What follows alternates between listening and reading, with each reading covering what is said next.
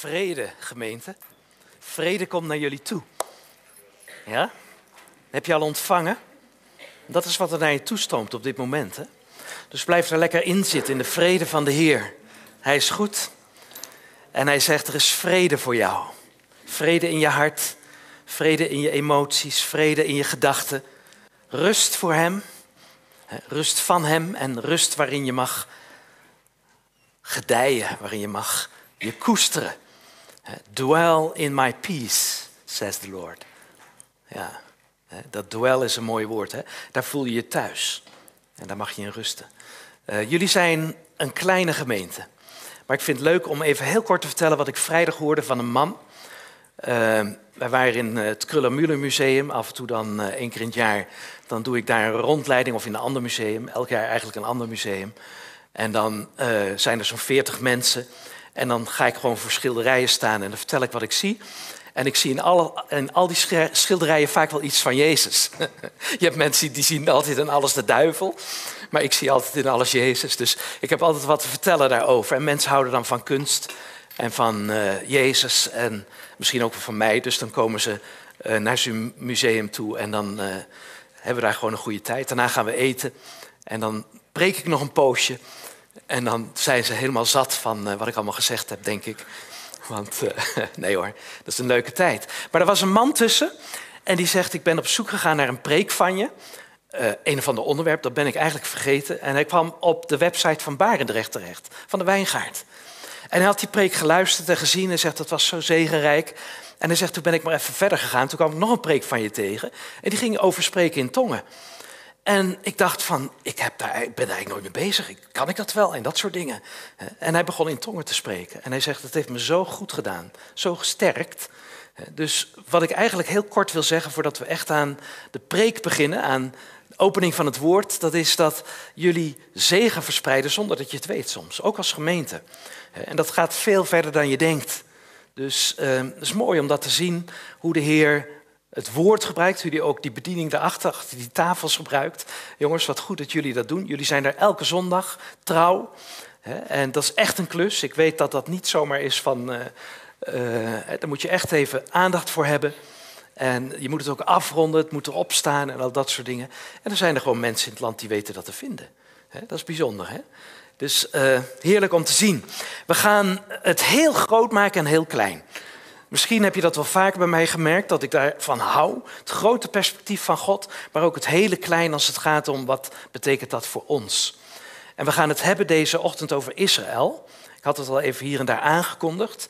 Um, en als je aan Israël denkt, mag je ook aan jezelf denken. Want God had Israël en heeft Israël op het oog op zo'n manier dat wij er allemaal in betrokken zijn en kunnen zeggen dat is ook voor mij. En uh, zit je al naar een plaatje te kijken? Eerst die eerste hoor. Eén terug, toch? Ruben of niet? Ja, kijk. ja, we geven niet alles weg, hè? ja, Israël. Ik heb daar een plaatje van gemaakt, gewoon een, een mannetje.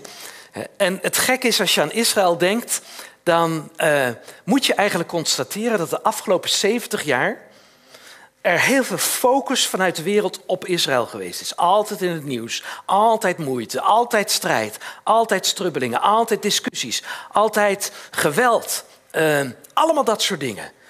En daar zit je dan in en je kijkt ernaar, je ziet de televisie, je leest de krant, uh, je bent op internet bezig en altijd Israël weer langs en altijd weer die vraag van hoe moeten we ons nou verhouden tot Israël? En dat gaat niet alleen over christenen, dat gaat eigenlijk over de hele wereld en alle landen die zich daarmee moeten bemoeien. Het begon al in 1947, toen er een stemming was in de Verenigde Naties. Wordt Israël het land waar de Joden een thuis mogen vinden, een zelfstandig land? En er was een stemming en met één stem verschil kreeg uh, Israël een eigen land. En dat ene, die ene stem werd bepaald door het enige christelijke land in Azië. Dat is bijzonder, hè? Welk land is dat? Dat is niet China, hè? Nee. Eh, het enige land, enige christelijke land in Azië. Ja, daar, zit, daar ben je stil van, hè? Dat weet je niet, hè? Er is maar één christelijk land in Azië. Dat is wat, hè? Als ik daarover nadenk, denk ik, jongen, jongen, jongen, wat hebben we nog een weg te gaan. Maar dat is de Filipijnen. Dat is het enige christelijke land in heel dat grote Azië.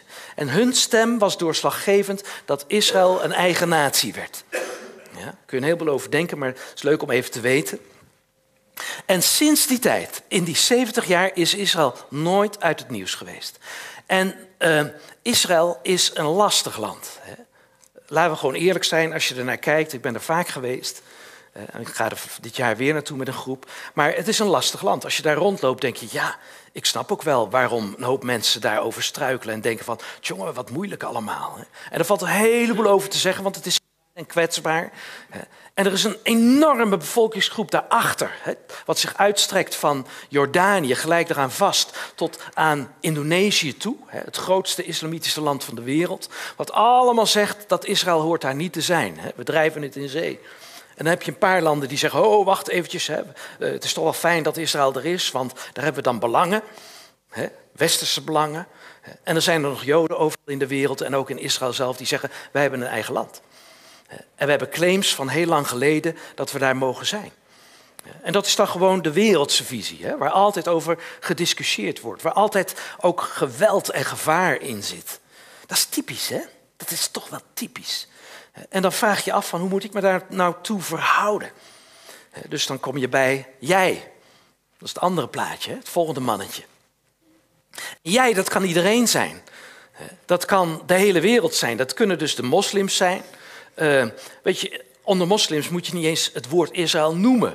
Want je hebt ze al gelijk op, uh, op de kast. dat is echt zo. We zijn uh, stripboeken ook in moslimlanden aan het verspreiden. En ja, in dat stripboek van Jezus Messias staat gewoon een kaartje van Israël met de naam Israël erbij. Het kaartje mag blijven, maar de naam Israël moet eruit, want anders krijg je het niet daar die landen in. En dat doen we dan maar, want ja, je wil dat het evangelie daar komt. Maar zo lastig ligt dat. Maar ja, je hebt ook buren die een idee hebben over Israël. Die worden allemaal beïnvloed door de media, door de publieke opinie. En uh, Israël heeft eigenlijk een behoorlijk slechte naam in de wereld gekregen. Door name uh, uh, die spanning met de Palestijnen en al dat soort dingen. Maar de vraag is eigenlijk, wat zit daar nou achter en hoe kunnen wij als christenen, je daartoe verhouden? En hoe kunnen nou Israël en al die mensen die tegen Israël zijn, hoe kunnen die nou bij elkaar gebracht worden? Hoe kan daar dan toch iets van een gemeenschappelijke visie ontstaan? En het wonderlijke is, dan komt Jezus ertussen staan. Kijk maar. En het wonderlijke is, het bijzondere is dat de Bijbel laat zien dat Jezus al die mensen die een mening hebben over Israël, en de Joden, Israël zelf, maar ook de Joden over de wereld, dat die die twee bij elkaar brengt. En dat eigenlijk uh, het vergrootglas van spanning onder mensen en onder volken, waar Israël onder ligt, alles wat wij beleven aan discriminatie en aan afwijzing en aan uitsluiting en aan pijn in relaties, wordt daar in een land uitvergroot gevoeld. Er is geen land waar zoveel haat en spanning opgericht is en zoveel moeite en zoveel pijn en ook met een hele geschiedenis van afwijzing. Ja? Daar hoef ik je niet alles over te vertellen, daar weet je een hoop van. Dat in die focus Jezus komt en zegt, ik ga die twee bij elkaar brengen. Degene die afwijst en degene die afgewezen wordt. Is dat niet bijzonder? En als je het dan gelijk heel dichtbij wil brengen, dan kun je zeggen, Jezus is degene die mij niet heeft afgewezen, zodat ik mijn hand kan uitsteken ook naar moeilijke mensen.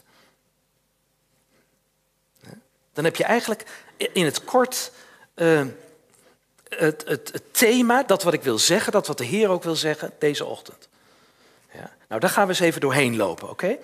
Um, na dit halve uur heb je groter ontzag voor Gods genade. Ja, we houden het op een half uurtje, oké? Hou me eraan, hè? je hebt een groter ontzag voor Gods genade. Dat is bijzonder. Want die grote genade van God die hij heeft voor Israël en de volken, heeft hij ook heel in het klein voor jou. Ja? En dat wist je al, daarom zit je hier.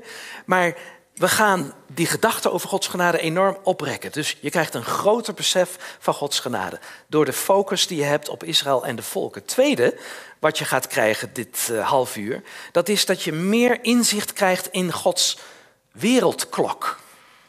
God heeft een tijdsbestek. God heeft, is iets begonnen en hij gaat het afmaken ook. Dat is de wereldklok. En je krijgt daar een groter besef van na dit half uur. Dat is geweldig, toch? Ik heb daar wel zin in. Het lijkt me wel heel bijzonder. Om echt mee te tikken met Gods klok en te zeggen, nou, waar staan we nu? En waar gaan we naartoe? Waar komen we vandaan? Daar heeft Israël veel mee te maken.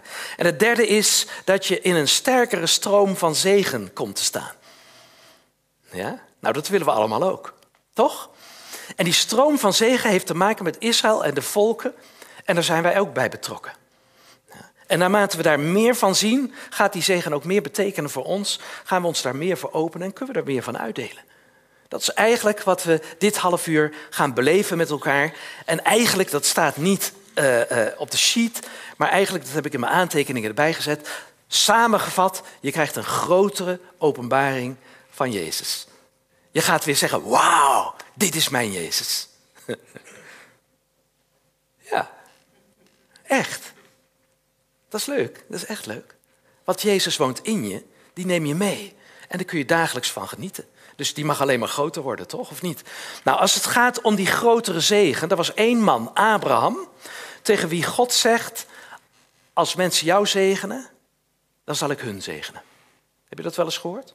Abraham werd door God uitgekozen en Abraham die kreeg van God de belofte dat hij gezegend zou worden en dat door zijn zaad, door zijn kinderen, door zijn nageslacht heen, de hele wereld gezegend zou worden.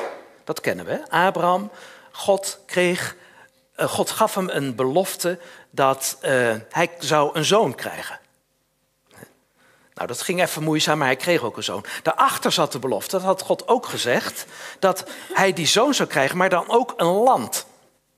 Hij zou ook een land krijgen, het land waar hij nu als een soort vreemdeling vertoefde. Hij was nog niet van dat land, hij kwam van buitenaf, hij had ook geen land, maar hij zou het wel krijgen. Dat is Israël geworden. Het land waar hij daar op dat moment was, dat was de belofte, dat zou hij krijgen.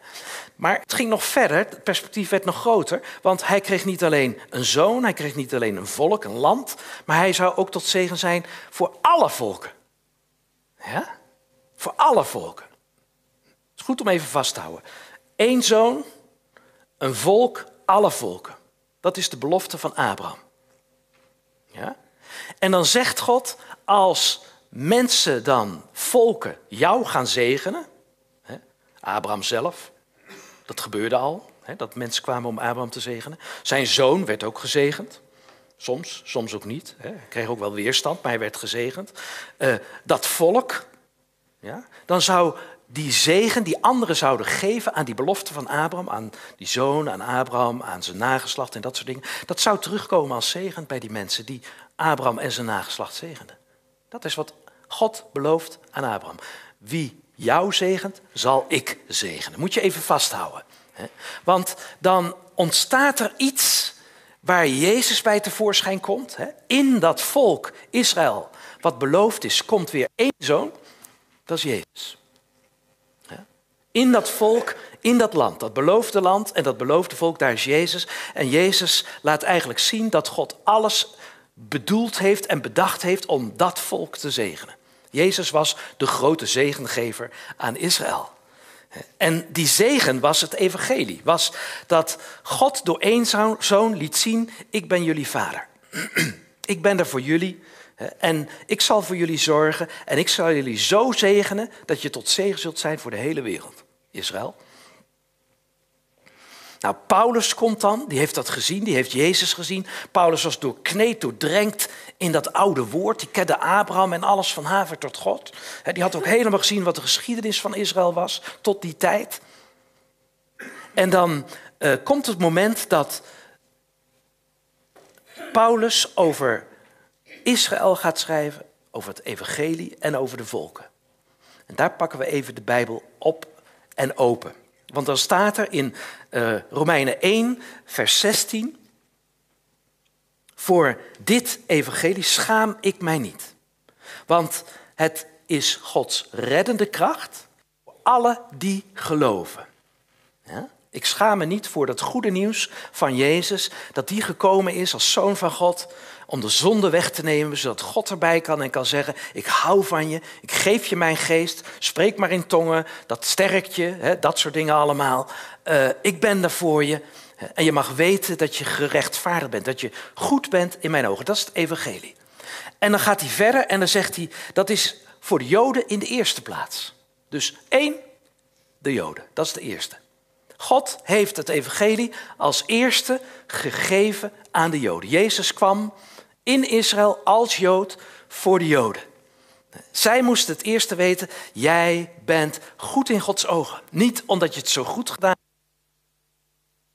goed gedaan. Het ging vaak mis, maar jij bent goed in de ogen van God dankzij Jezus. Dat is het evangelie. En Paulus zegt, daar schaam ik me niet voor. Soms kun je denken van, wat heb ik er dan voor gedaan? Helemaal niks. Nou, dan ga je je schamen. Nee, zegt Paulus, neem nou die genade aan, die is gratis voor niks. En wees daar gretig in, daar hoef je je niet voor te schamen. Want God geeft graag. Ik schaam me er niet. Eerst voor de Joden. En dan gaat hij verder en dan zegt hij, maar ook ten tweede voor alle volken. Daar zit die belofte van Abraham in. Abraham kreeg een volk en Abraham zou tot zegen zijn voor alle volken. Ja. Gods plan was Jezus eerst voor de Joden. En als de Joden gered waren, dan zouden die gaan uitdelen aan alle volken van Jezus. Dat was zijn plan. Ja. Eerst de Joden, dan de rest van de volken. En die volgorde is interessant omdat dat al zit bij de belofte van Abraham, dat dat werkt in Gods plan zo, dat hij het zo gewild heeft en dat dat tot redding van de hele wereld zou zijn. Oké, hou dat even vast, hè? Want er gebeurt iets, hè? Er gebeurt iets. Um, als je nou kijkt naar Israël, 2000 jaar, dan zie je dat er eigenlijk van dat idee wat Paulus had, eerst de Joden en dan de rest van de volken, daar is niks van terechtgekomen. Helemaal niks. Die Joden die hebben Jezus af. Een paar discipelen zijn de wereld ingegaan, maar verder hebben we afgewezen, ja, maar even, hij valt vaak weg. Hè? Doen we even wat aan. Dankjewel. Chevron. Waar ga je heen? Oh, oh zo. Ik dacht dat hij wat ging doen. Dus uh, eerst Eerst de Joden, dan de volken, maar er komt niks van terecht. Uh, het is zelfs zo dat de Joden de hele wereld overgaan, niet meer bij elkaar zijn, allemaal een beetje hun eigen dingetje gaan doen, want er zijn een heleboel soorten Jodendom eigenlijk ontstaan. Overal in de wereld zaten ze op een bepaald moment. En de kracht van een getuigenis van het evangelie, gaan we het weer proberen? Ja. Dat, uh, dat kwam helemaal niet bij de Joden vandaan. Er is niks van terechtgekomen, de Joden, dan de heidenen. Er is echt iets misgegaan. Dus wat God aan plannen had, eerst de Joden, Jezus voor de Joden, zij gaan Jezus aanvaarden, zij gaan uitdelen, zij worden tot zegen voor de rest van de volken, dus niet. Ja? Nou, waarom? Wat is daarvan de oorzaak? Romeinen 9, vers 30 en 31. Die Joden handelden alsof het van hun daden afhing en niet van geloof. Dus de Joden hielden vast aan die oude bedeling, aan die oude tijd van de wet die zei, als je je gedraagt, als je het goed doet, dan hangt het van je daden af en dan geeft God zijn goedkeuring. Daar zat geen. Voor de wereld zat er geen kracht in. Hè? Want uh, ja, goed je best doen. Iedereen doet goed zijn best in de wereld, toch? Maar daardoor word je niet gered. Daardoor kom je niet dichter bij God. Daardoor ga je niet zeggen, nou ben ik goedgekeurd door God. Want je doet het altijd weer fout. Je hebt genade nodig. Je hebt het nodig dat God zegt, ik vergeef je. Je bent goedgekeurd in mijn ogen. Nu geef ik je mijn geest, zodat je je anders gaat gedragen. En niet andersom, dat je je eerst anders moet gedragen voordat God je goedkeurt en dan de geest geeft. Het evangelie is het goede nieuws dat God je bij voorbaat goedkeurt en dat je daarna meegenomen wordt in zijn genade, die je helpt om zo te leven als hij het graag wil. Nou, als mensen dat horen, worden ze er blij van, worden ze gered. Maar als ze wat anders horen, zoals de Joden, maar steeds probeerden goed hun best te doen, de wet te volgen, ja, daar hebben de, de, de volken hebben daar niks aan. Want die hebben weer een andere wet. Elk land heeft een andere wet. En dan is het zo van jullie, jullie ding. En wij ons ding. Dat is geen boodschap voor de wereld. Het Jodendom is ook nooit een wervende godsdienst geworden. Dat is beperkt gebleven tot de mensen die Jood zijn. En met alle respect, want uh, ja, het is een geweldig mooie godsdienst. En de God van de Joden is ook onze God. Is niet anders. Alleen Jezus heeft laten zien wat God werkelijk wil, wat zijn hart is. Dus waarom? Ja, ze hebben eigenlijk de genade afgewezen. En dan lezen we verder in Romeinen 11. Maar God blijft hen liefhebben. Romeinen 11, vers 28 en 29. God blijft de Joden liefhebben, omdat hij de aartsvaders heeft uitgekozen. De genade die God schenkt, neemt hij nooit terug. Als God iemand roept, maakt hij dat niet ongedaan. En daar gaat mijn hart heel hard van kloppen. De Joden hebben Jezus afgewezen. God had het in zijn gedachten. Ik ga vanwege de aartsvaders, Abraham, ga ik een volk creëren. En daar ben ik in, daar woon ik bij. En dat volk gaat tot zegen zijn voor de hele wereld. Als Jezus gekomen is om te laten zien wat ik echt bedoel met mensen. Je zonden zijn je vergeven, ik wil je zegenen. Ja, dat is zijn genade. De Joden hebben dat afgewezen, hebben we net gezien. En wat zegt Paulus? Wat zegt de Bijbel? Wat is het hart van God? Die zegt: God neemt zijn genade nooit terug. Ah. God neemt zijn genade nooit terug. Wat is dat spannend? Want wat begint dat bij mij? Ja, ik rij een scheve schaats. God neemt zijn genade niet terug. Mensen doen mij wat aan. Ik kan vergeven, want God neemt zijn genade nooit terug. De Joden zijn verdwaald, maar God neemt zijn genade nooit terug. Dat is mijn visie en de visie van de Bijbel, want het is de visie van Paulus in de Bijbel, op Israël. God blijft trouw aan dat volk waarmee hij begon. Er zijn wel eens mensen die zeggen: ja, wat, is, wat zijn de Joden nou anders dan de Nederlanders? Hè? God, Jezus is toch voor de hele wereld gestorven? Ja, dat is ook zo. Ja, dat is ook zo. Dus in die zin is Jezus er voor iedereen, Joden, Grieken, hè? zoals Paulus dat al zegt. Hè? Eerst de Jood, dan de volken, dan de Grieken. Hè? Uh, want dat waren alle andere mensen, de Grieken in die tijd. Hè? Spraken allemaal Grieks namelijk. Uh, maar in ieder geval, Jezus is er voor iedereen. Hij, dat maakt geen verschil. Maar God is wel begonnen met één volk. En hij had een plan met het ene volk en dat plan maakt hij af. Zijn genade neemt hij niet terug. Ja. Ik geloof in een genade die afmaakt wat hij begonnen is. Als iemand zich aan Jezus gegeven heeft, blijft God trouw en zal hij het afmaken. En als het niet hier is, dan wel in de hemel. Want wij kunnen verdwalen, zoals Israël, maar God maakt het af. Zijn genade neemt hij niet terug. En dat bepaalt mijn houding tegenover mensen die misschien het geloof vaarwel gezegd hebben, waarvan ik toch kan zeggen, en God blijft jou trouw. En daarom ik ook. Ja, dat is wat. En dan kijk je naar Israël en zeg oh, maar God blijft dus ook trouw aan Israël, dan zal ik ook trouw aan Israël blijven. Dan heb ik daar toch een speciale verstandhouding mee. Want God is daar begonnen en hij zal zijn plan afmaken. Ja? En dan is het wonderlijk, dan krijg je ineens zoiets van. Als God zoveel van Israël houdt, als God zoveel van de Joden houdt. En je loopt daar in Israël en je ziet al die versperringen langs de weg, al dat prikkeldraad, die enorme hoge muren. Waarvan wij juist feest gevierd hadden in Berlijn, dat ze gesloopt waren en daar worden ze gebouwd. En dan word je verward en dan denk je: help! Kan ik wel van dat volk houden? Ja, toch wel omdat God dat in je hart legt. Hij gaat door met ze. Hij neemt zijn genade nooit terug. Mijn ouders hebben meegeleefd, hebben meegedaan in die grote ellende in de Tweede Wereldoorlog, waarin Joden zo vervolgd werden en uitgemoord werden. Niet direct, maar indirect. Mijn vader heeft gevochten aan het Oostfront waar die enorme ellende ontstond van die concentratiekampen. En ik kan me niet voorstellen, we hebben het er nooit over gehad thuis, dat hij niet iets gezien heeft van de Jodenvervolging daar achter die grenzen uh, van Rusland waar hij gevochten heeft. Ik heb daar boeken over gelezen, over gestudeerd, waar hij gevochten heeft in dat gebied. Waar Joden zelf de kuilen moesten graven en moesten staan als ze geëxecuteerd werden en vielen in die kuilen. En de volgende groep stond en die vielen er weer in. En de volgende groep stond en die vielen erin. En de laatste groep moest het dichtgooien. En dan werden ze ook afgemaakt. En dat vonden de Duitsers erg inefficiënt. Dus daarna zijn ze vergast. Dat is heel in het kort het verhaal van wat zich daar afspeelde in de Holocaust.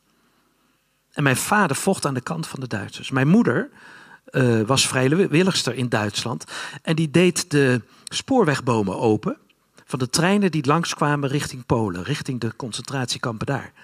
Dus welke mensen heeft ze voorbij zien gaan? Welke wagons heeft ze voorbij zien gaan? Misschien zonder dat ze er een benul van had, maar van die massa's die daar gedeporteerd werden. Ja. Dat is mijn achtergrond. En laat ik eerlijk zijn, dat is de achtergrond van honderdduizenden Nederlanders. Honderdduizenden Nederlanders. Niet een paar, van een groot gros van de Nederlanders. En van de Europeanen. Dat is verschrikkelijk. En dan kun je zeggen uit sentiment, ik hou van de Joden. Maar wat is je basis? Er is een woord wat gesproken heeft. Er is ook een enorme weerstand. Waarom? Omdat er een enorme weerstand is tegen de plannen van God. Er is een enorme machtsstrijd gaande, onzichtbaar, om dat plan van God, wat hij af wil maken, uit te roeien. En het wonderlijke is, als Jezus dan in je leven komt, want die kwam ook in het leven van mijn ouders, dat je anders over Joden gaat denken. Ik was een klein jongetje en ik ging boekjes schrijven. Ik heb dat verhaal misschien wel eens verteld, maar uh, uh, ik had een gebroken been en een hersenschudding of iets zwaarder. Ik moest nog flink wat weken thuis revalideren. En ik was tot dan toe al, alleen maar gewend om op straat te spelen en te klieren. En toen moest ik thuis blijven. En toen dacht ik, hoe kan ik mezelf nou vermaken? En toen ging ik boekjes schrijven en boekjes tekenen. En een van de eerste boekjes was van een Joods jongetje die vlucht en die gered wordt in de Tweede Wereldoorlog. Wonderlijk hè? Alsof God zegt van, oké, nou ken je Jezus en dan krijg je liefde voor de Joden. Dat zat er al heel jong in.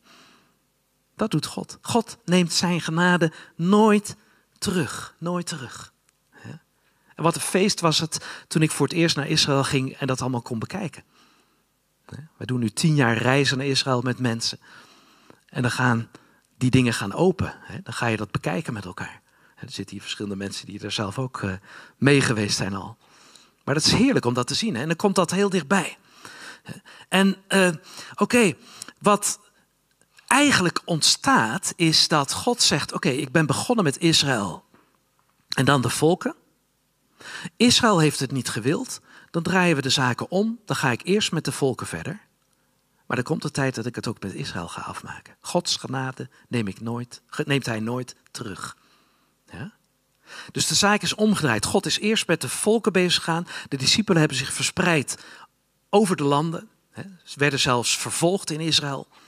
Konden daar niet meer blijven. Israël ging verloren in het jaar 70 na Christus. Dus het hele volk verspreidde zich. Dus wat bleef nog over van Gods woorden? Ik zal een volk tot zegen laten zijn voor de hele wereld. Dat, dat, dat was niet meer zichtbaar. En dan zegt God, ik draai het om, dan ga ik eerst met de volken verder. Daar is hij nu mee bezig, hè? dat alle volken het evangelie horen. Daar is hij nu mee bezig. Maar hij maakt zijn werk met Israël ook af. En dan zitten we eigenlijk in die tijdklok, dat we ons afvragen, wat is er nu aan de hand en wanneer gaat God zijn plan met Israël afmaken? Nou, dat is leuk om te lezen wat Jezus zelf zegt. In uh, Lucas 21, vers 24. Dat is eigenlijk helemaal niet leuk, maar het is interessant. Jezus zegt daar, Jeruzalem zal vertrapt worden door heidenen, door de volken. Ja? Jeruzalem zal vertrapt worden. Lucas 21, vers 24. Wat hij daar eigenlijk zegt, dat is gebeurd 70 na Christus, hè, dat de Romeinen kwamen en heel Jeruzalem platgooiden. Dat was een extreme daad. Eh, de Romeinen waren over het algemeen uh, gevoelig voor de gevoeligheden van de volken die ze beheersten. En dat ze iets met de grond gelijk maakten, zoals daar gebeurde, was extreem. Dat gebeurde lang niet altijd uh, in dat Romeinse Rijk. Dat dacht je misschien.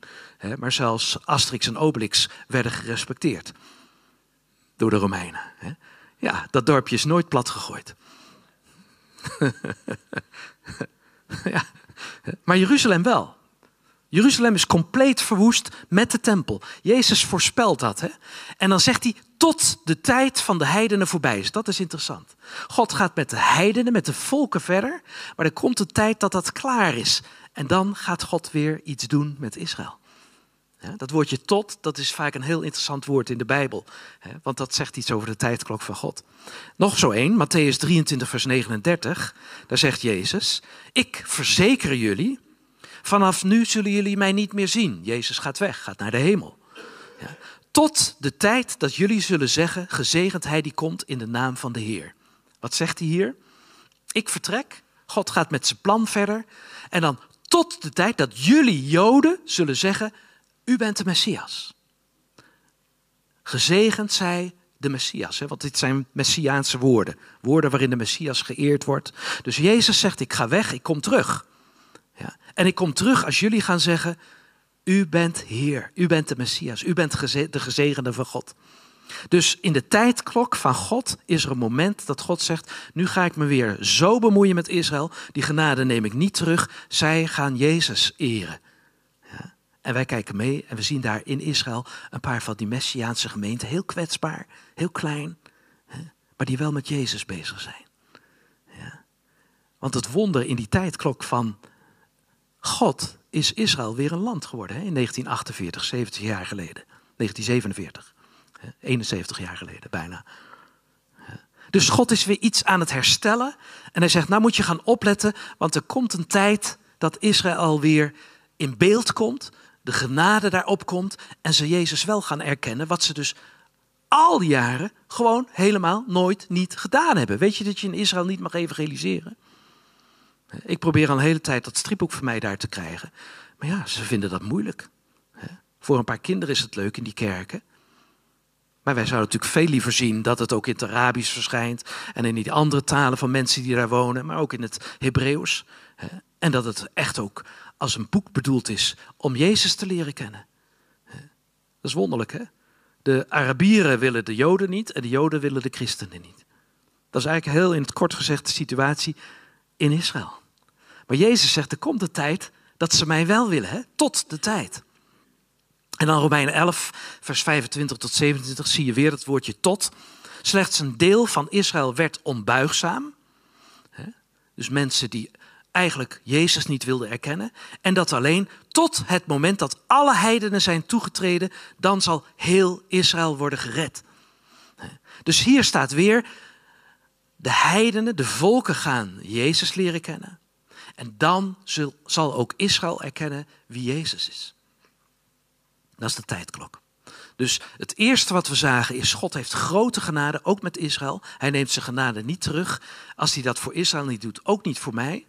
Dus die genade van God, hebben we gezien, is veel groter dan we dachten. Die heeft echt te maken met de volken, met Israël en ook met mij. In het kleine en in het groot. We hebben gezien dat er een tijdklok is. Hè, dat God zegt, nou ga ik verder met de heidenen, met de volken. Daar gaat het evangelie naartoe. En dan komt er een moment als, dat, als die tijd vol is. God denkt altijd in tijden van volheid. Hè, dat betekent niet dat iedereen daarbij betrokken is. Maar iedereen die een kans gekregen heeft, die erop ingegaan is. Dan zegt God, nu is het genoeg. En dan zegt hij, dan ga ik ook nog weer verder met Israël gaat Israël Jezus erkennen. En dat kunnen we ze niet door de strot duwen. Dat zal God zelf door zijn geest moeten doen. Dus wij respecteren ook als we er zijn eh, eh, de wet daar die zegt van je mag niet evangeliseren. Maar je mag wel contact hebben. Je mag wel laten zien, wij zijn bewogen met jullie. Ook met Joden in Nederland. Weet je dat Joden vaak verbaasd zijn als ze iemand tegenkomen die liefde heeft voor Israël, gewoon in Nederland. Ja, want dat maken ze haast niet mee. Hè? Meestal gaan, de, gaan de, de, de stenen door de ruiten. Hè? Of worden de graven beklad, of dat soort dingen.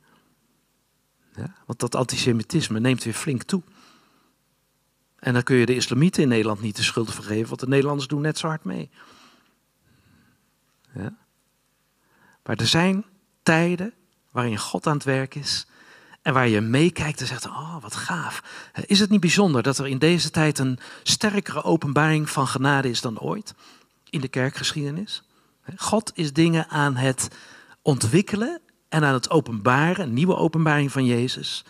En het enige wat zowel islamieten als joden, als mensen van andere godsdiensten, kan overtuigen van de kracht van Jezus, is genade. Echt waar. Echt waar.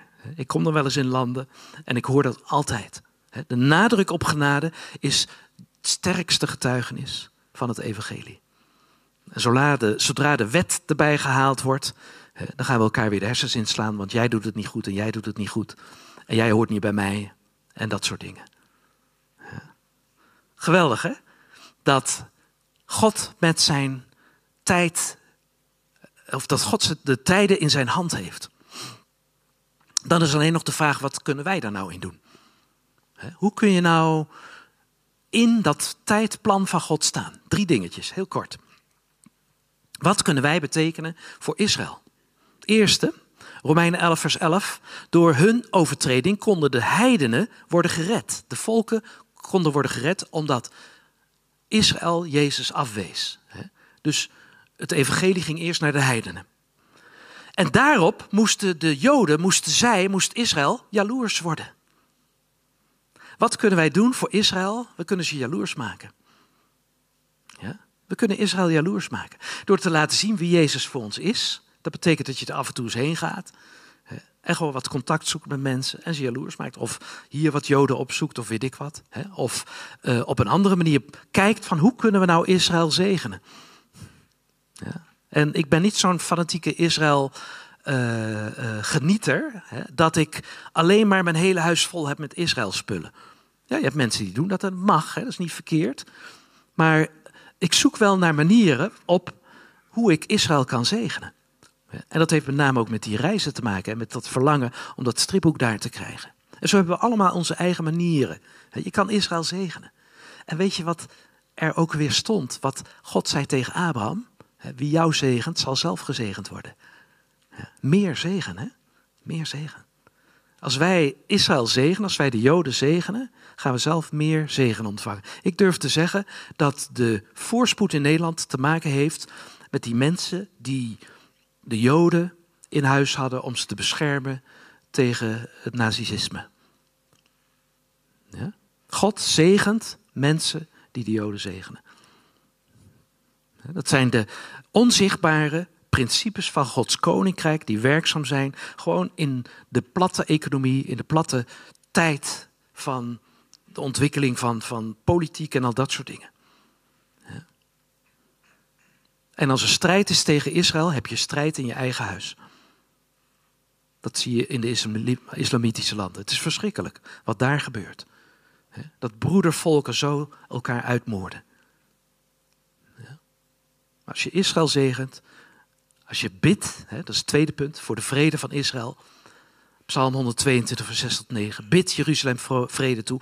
Mogen wie u lief hebben rust genieten. Als je bidt voor de vrede van Israël, krijg je vrede in huis. Dat is wat hier staat. Leuk hè? Zo gevoelig is dat bij God, dat hij zegt, ja, is mijn volk. Als je voor hen, als je vrede bidt voor, voor Jeruzalem, dan kan ik niet anders dan jou ook vrede geven. Want je doet precies wat ik eigenlijk wil. Dan kan ik niet terughoudend zijn. Als je Israël zegent, ja, dan moet ik je wel zegenen. Want ik wil Jeruzalem en Israël zegenen en vrede geven. Dus dat is het tweede wat we doen. Zegenen, bidden. En het derde, dat is, ik zal zegenen wie u zegenen. dat we zeggen van, op wat voor manier kunnen we er dan zijn voor dat volk? Ook als gemeente. Het is leuk om te kijken van, wat kunnen we nou gemeenschappelijk betekenen daarvoor? Het is een sport. Hè? Het, is, het is geen must. Het is niet zoiets van dat moet je doen. Het is ook niet iets waarmee je de zegen naar je toe kan halen. Dat je God zou kunnen manipuleren. Nee, het zijn dingen die ontstaan omdat er een liefde bij je ontstaat, iets opgewekt wordt van, oh, Gods genade is dus nog groter. Uh, daar wil ik deel aan hebben, daar wil ik bij horen. Uh, die liefde die wil ik dan maar gewoon ruimte geven. Ja? Die wil ik maar gewoon een kans geven. En soms moeten er misschien zelfs dingen opgeruimd worden vanuit je verleden. Misschien, je, misschien heb je ook wel op de Joden gescholden. Of wat dan ook. Dan zeg je, ja, dat, dat moet dan echt anders. Hm. En dan diep van binnen, wat God doet, is die vrede geven, die die Israël gunt, die zegen geven, die die Israël gunt. Die rust Leuk hè, dat we begonnen met een uh, aanbiddingstijd waarin die vrede zo heel tastbaar was. Ja, dat is mooi. Dat weten jullie niet. Jullie wisten niet waarover ik het ging hebben. Maar daar komen we uit. Vrede voor ons. Vrede voor Israël. Zullen we bidden?